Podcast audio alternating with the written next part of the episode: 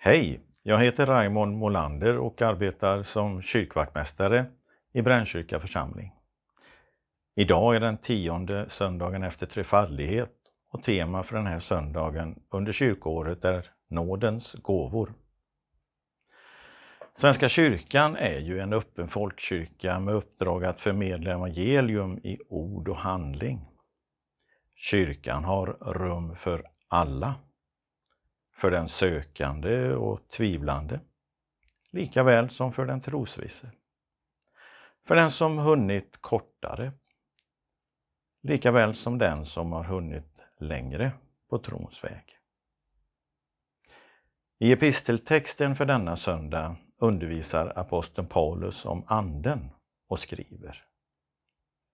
Nådegåvorna är olika, men Anden densamma. Tjänsterna är olika, men Herren densamme. Verksamheterna är olika, men Gud är densamme. Han som verkar i allt och överallt. Hos var och en framträder Anden så att den blir till nytta. Den ene får genom Anden gåvan att meddela vishet, den andre kan med samma Andes hjälp meddela kunskap. En får tron genom Anden, en annan genom samma Ande gåvan att bota. En annan får kraft att göra under. En får förmågan att tala profetiskt, en annan att skilja mellan olika andar. En kan tala olika slags tungotal, en annan kan tolka tungotal. Allt detta åstadkommer en och samma ande genom att fördela sina gåvor på var och en så som den själv vill. Och nu lyssnar vi till Vivaldis Fyra årstiderna och stycket Sommar.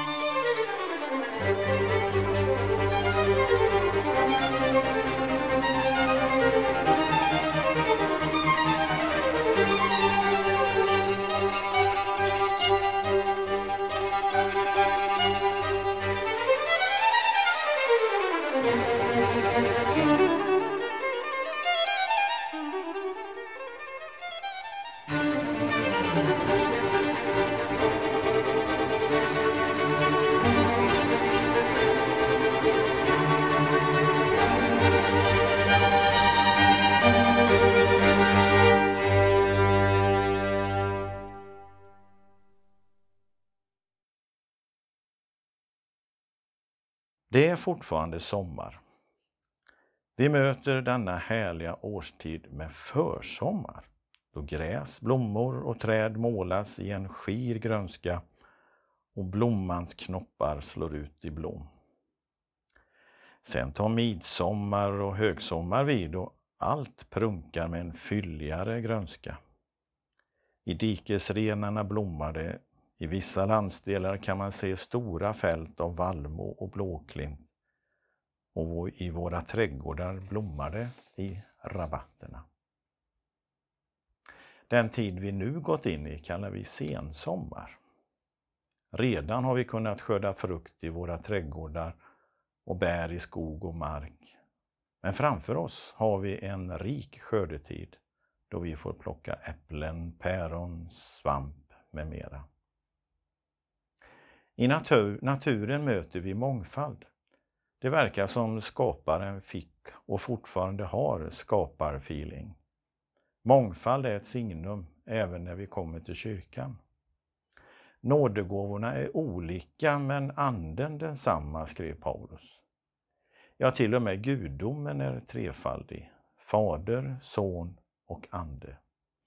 Och Svenska kyrkan som folkkyrka har rum för alla. Kyrkan vill mångfald. Men man kan, men kan man tro på allt detta? Fader, son, ande. Skapare, frälsare, livgivare.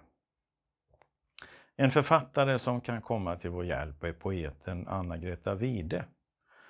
Hon har i sin diktsamling Den saliga osäkerheten något som befriar från tvärsäkra svar. Dikten heter Tror du på Gud Fader allsmäktig? Tror du på Gud Fader allsmäktig? Vet inte. Det känns så. Tror du på Jesus Kristus? Vet inte. Jag älskar honom. Tror du på den heliga anden? Vet inte. Någon oroar mig. Kallar du dig för kristen? Vet inte. Spelar det någon roll? Och paradoxalt nog vill jag nu be en bön som vänder sig till den treeniga guden som föddes som människa i Jesus från Nasaret. En bön formulerad av prästen Olof Hartman. Vi ber. Gud, du som blev ett svar på vår bön, ett bröd för vår hunger. Hjälp oss nu att vara ditt svar till dem som saknar vad vi äger i överflöd.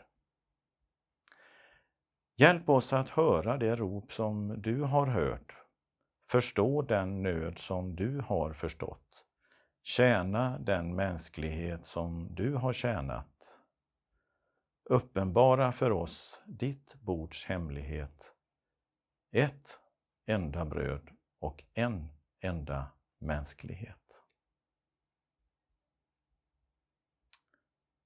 Och nu lyssnar vi till Leif Strands kammarkör när de sjunger Ande full av nåde.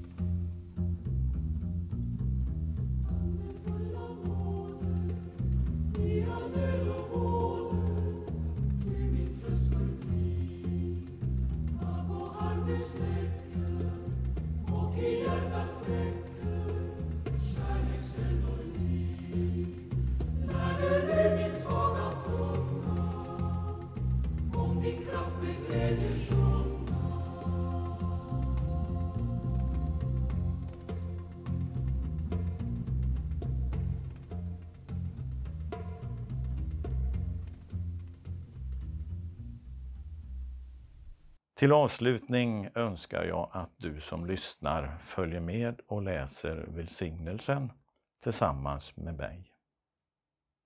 Vi ber. Herren välsigne oss och bevare oss. Herren låter sitt ansikte lysa över oss och vara oss nådig. Herren vände sitt ansikte till oss och give oss frid. I Faderns och Sonens och den helige Andens namn. Du lyssnar på Radio Sydväst 88,9. Detta har varit en utsändning från Brännkyrka församling. Bibeltexter ur Bibel 2000 Copyright Svenska Bibelsällskapet Ansvarig utgivare Gustav Frosteblad